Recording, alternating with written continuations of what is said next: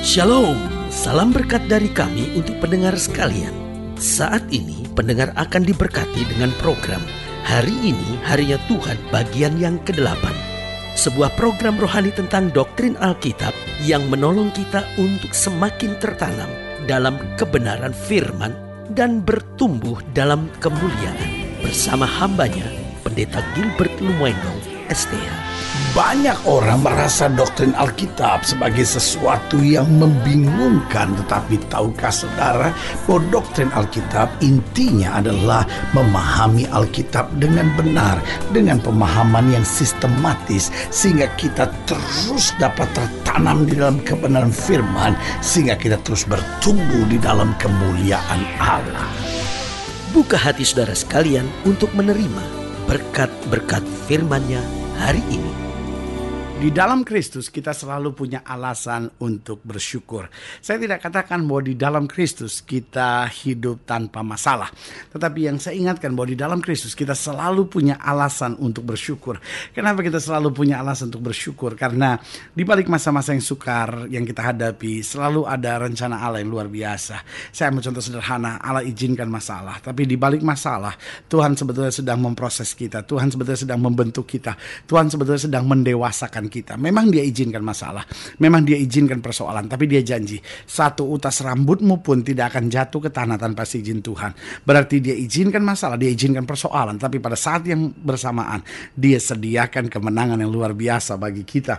Nah, saudaraku yang kasih dalam Tuhan, kenapa kita selalu punya alasan untuk bersyukur? Karena dia adalah Allah yang menyediakan kasih dan karunia yang luar biasa berhidup kita. Apa itu kasih karunia? Kasih karunia adalah sesuatu yang kita terima. Meskipun sebenarnya kita nggak layak untuk menerimanya. Tetapi kita menerima bukan sebagai tergantung dengan objeknya, tetapi justru tergantung dengan subjeknya. Apakah saya pantas dikasih atau tidak pantas dikasih? Bukan itu persoalannya, tapi persoalannya karena Dia Allah kita, Yesus Kristus Tuhan kita, Dia mengasihi kita meskipun kita gagal, meskipun kita mengecewakan, meskipun kita melakukan sesuatu yang bertentangan dengan apa yang Dia harapkan. Tetapi waktu kita mau kembali, waktu kita mau menanggapi kasih Allah, waktu kita mau datang dengan hati yang hancur kepadanya, mengakui kesalahan kita, bertobat, menerima Dia sebagai Tuhan dan Juru Selamat, maka saudaraku yang kasih dalam Tuhan kasih karunia-Nya selalu disediakan tepat pada waktunya bagi kita. Haleluya. Selamat datang dalam program hari ini harinya Tuhan, sebuah program rohani yang mengingatkan kepada kita betapa pentingnya kita menjadikan firman Tuhan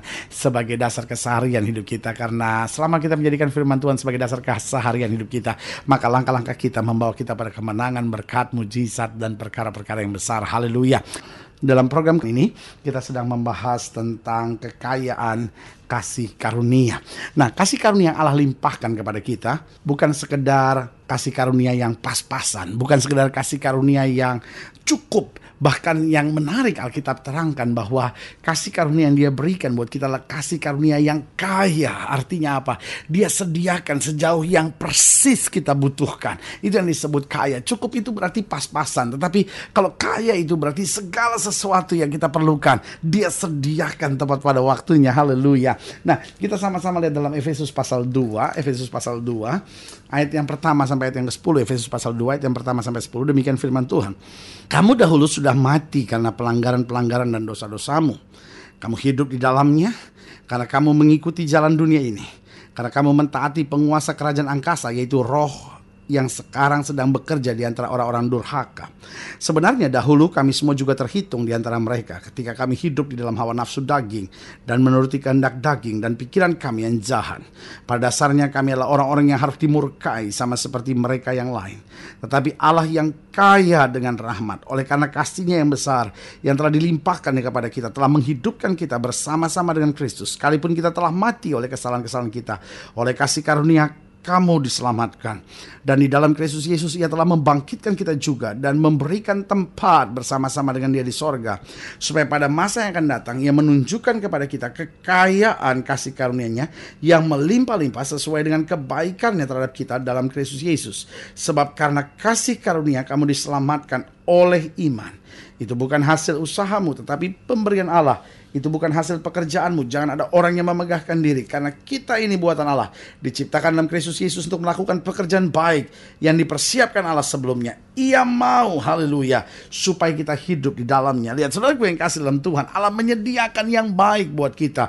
Dan diakhiri perikop ini dengan kalimat yang sangat indah. Ia mau supaya kita hidup di dalamnya. Allah bukan hanya menyediakan yang baik, lalu menyerahkan segala sesuatunya kepada kita. Terserah kamu, kamu jalan yang baik syukur, kamu nggak mau jalan yang baik, tanggung sendiri akibatnya. Sama sekali bukan begitu. Sama seperti seorang ayah menasihati anaknya dan berkata, pokoknya papa kasih nasihat begini, kamu jalanin syukur, kamu nggak jalanin akibatnya kamu tanggung sendiri. Tapi Allah sama sekali berbeda. Dia menyediakan yang baik dan dia mau supaya kita hidup di dalamnya. Dia sediakan roh kudus buat kita. Dia sediakan firman buat kita. Dia berikan kekuatan buat kita. Dia berikan jalan buat kita. Dia sendiri mau bicara menuntun kita. Dengan sebuah tujuan supaya apa yang dia sediakan buat kita. Kita bisa hidup di dalamnya. Nah saudara yang kasih dalam Tuhan. Di ayat yang ketujuh dalam ayat, -ayat bacaan kita.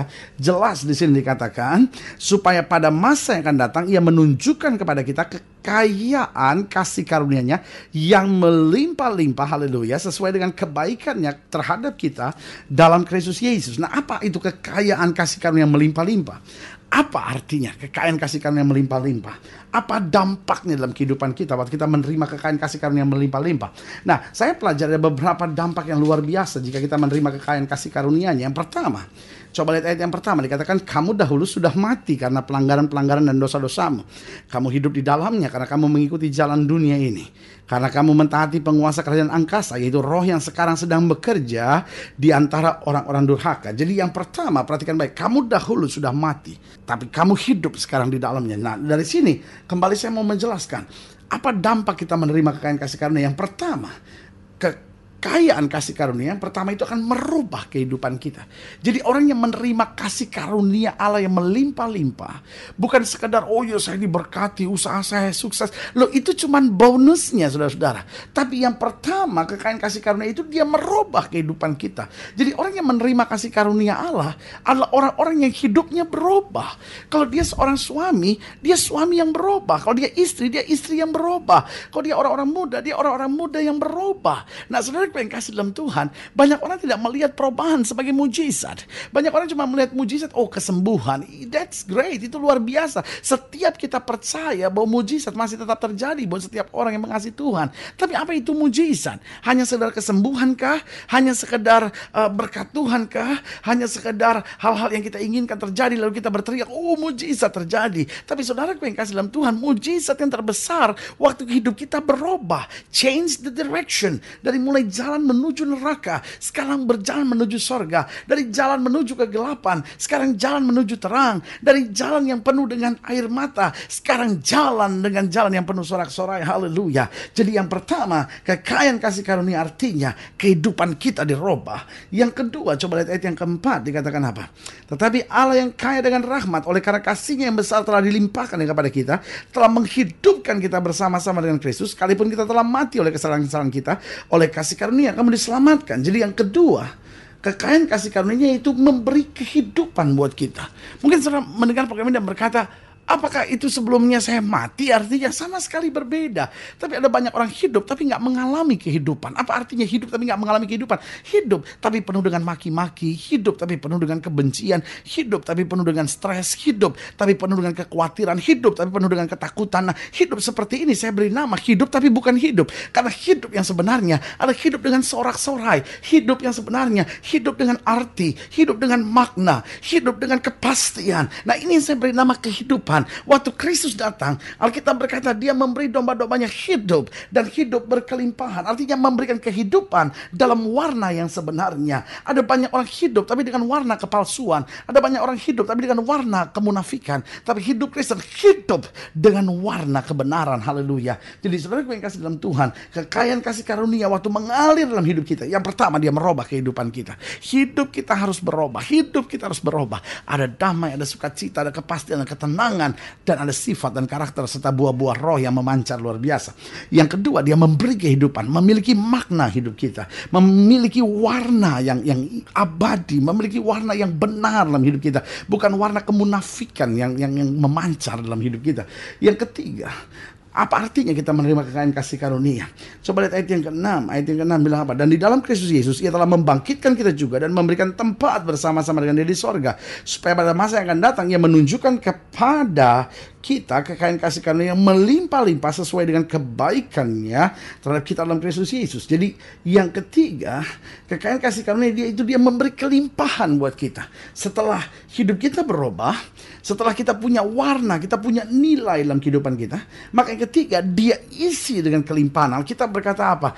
Aku datang untuk memberi domba-dombaku hidup dan hidup berkelimpahan. Apa artinya hidup berkelimpahan? Hidup berkelimpahan bukan berarti kita menjadi orang kaya yang tidak tertandingi. Hidup berkelimpahan artinya apa yang saya terima cukup. Lalu lebihnya orang lain dapat turut menikmatinya. Ada kasih yang cukup buat hidup saya. Tapi saya juga punya kasih yang cukup untuk memberkati orang-orang di sekitar. Nah itu yang Allah maksudkan yaitu kelimpahan. Sama seperti gelas, isi penuh. Dan setelah penuh itu namanya cukup. Dan setelah sudah masih isi, apa yang terjadi? Sekitarnya akan turut diairi oleh air tersebut. Sekitarnya akan turut dibasahi oleh air tersebut. Itu menggambarkan hidup Kristen kita. Waktu kita menerima kasih karunia Allah, kita menerima berkat Allah, kita bukan jadi orang-orang yang egois, tetapi berkelimpahan. Artinya Artinya orang sekitar kita turut merasakan kasih anugerah kebaikan Tuhan yang luar biasa. Yang keempat, yang terakhir. Apa artinya setelah menerima kekayaan kasih karunia? Coba lihat ayat yang ke-8. Sebab karena kasih karunia kamu diselamatkan oleh iman. Itu bukan hasil usahamu tapi pemberian Allah. Itu bukan hasil pekerjaanmu. Jangan ada orang yang memegahkan diri. Karena kita ini buatan Allah diciptakan dalam Kristus Yesus. Untuk melakukan pekerjaan yang baik. Yang dipersiapkan Allah sebelumnya. Ia mau supaya kita hidup di dalamnya. Berarti yang keempat, kekayaan kasih karunia sehingga kita, uh haleluya, bukan hanya merubah kehidupan, memberi kehidupan buat kita, bukan hanya memberikan kelimpahan buat kita dan akhirnya membuat kita melakukan perbuatan-perbuatan yang baik. Kita berbuat baik bukan supaya sampai ke sorga. Kita berbuat baik bukan supaya diselamatkan, tapi justru karena Allah telah berbuat baik buat kita. Sorga telah disediakan, segala yang terbaik sudah disediakan. Kita semua bangkit dan berkata, Tuhan, saya mau hidup benar, saya mau hidup memberkati, saya mau hidup melakukan perbuatan yang baik, supaya nama Kristus dipermuliakan. Haleluya. Saudara yang kasih dalam Tuhan, saya mengerti kalau sudah menghadapi masalah. Saya mengerti kalau engkau menghadapi masa-masa yang sukar. Tapi kuatkan hatimu, jangan lemah, jangan cuma nangisi masalahmu. Tapi ingat, kekayaan kasih karunia Allah telah dicurahkan. Mari, robah kehidupan kita isi kehidupan kita. Lalu biarkan kelimpahan mengalir. Dan akhirnya perbuatanlah perbuatan-perbuatan yang baik. Karena dengan engkau melakukan perbuatan-perbuatan yang baik, buah-buah roh itu semakin nyata dan nama Tuhan semakin dipermuliakan. Haleluya.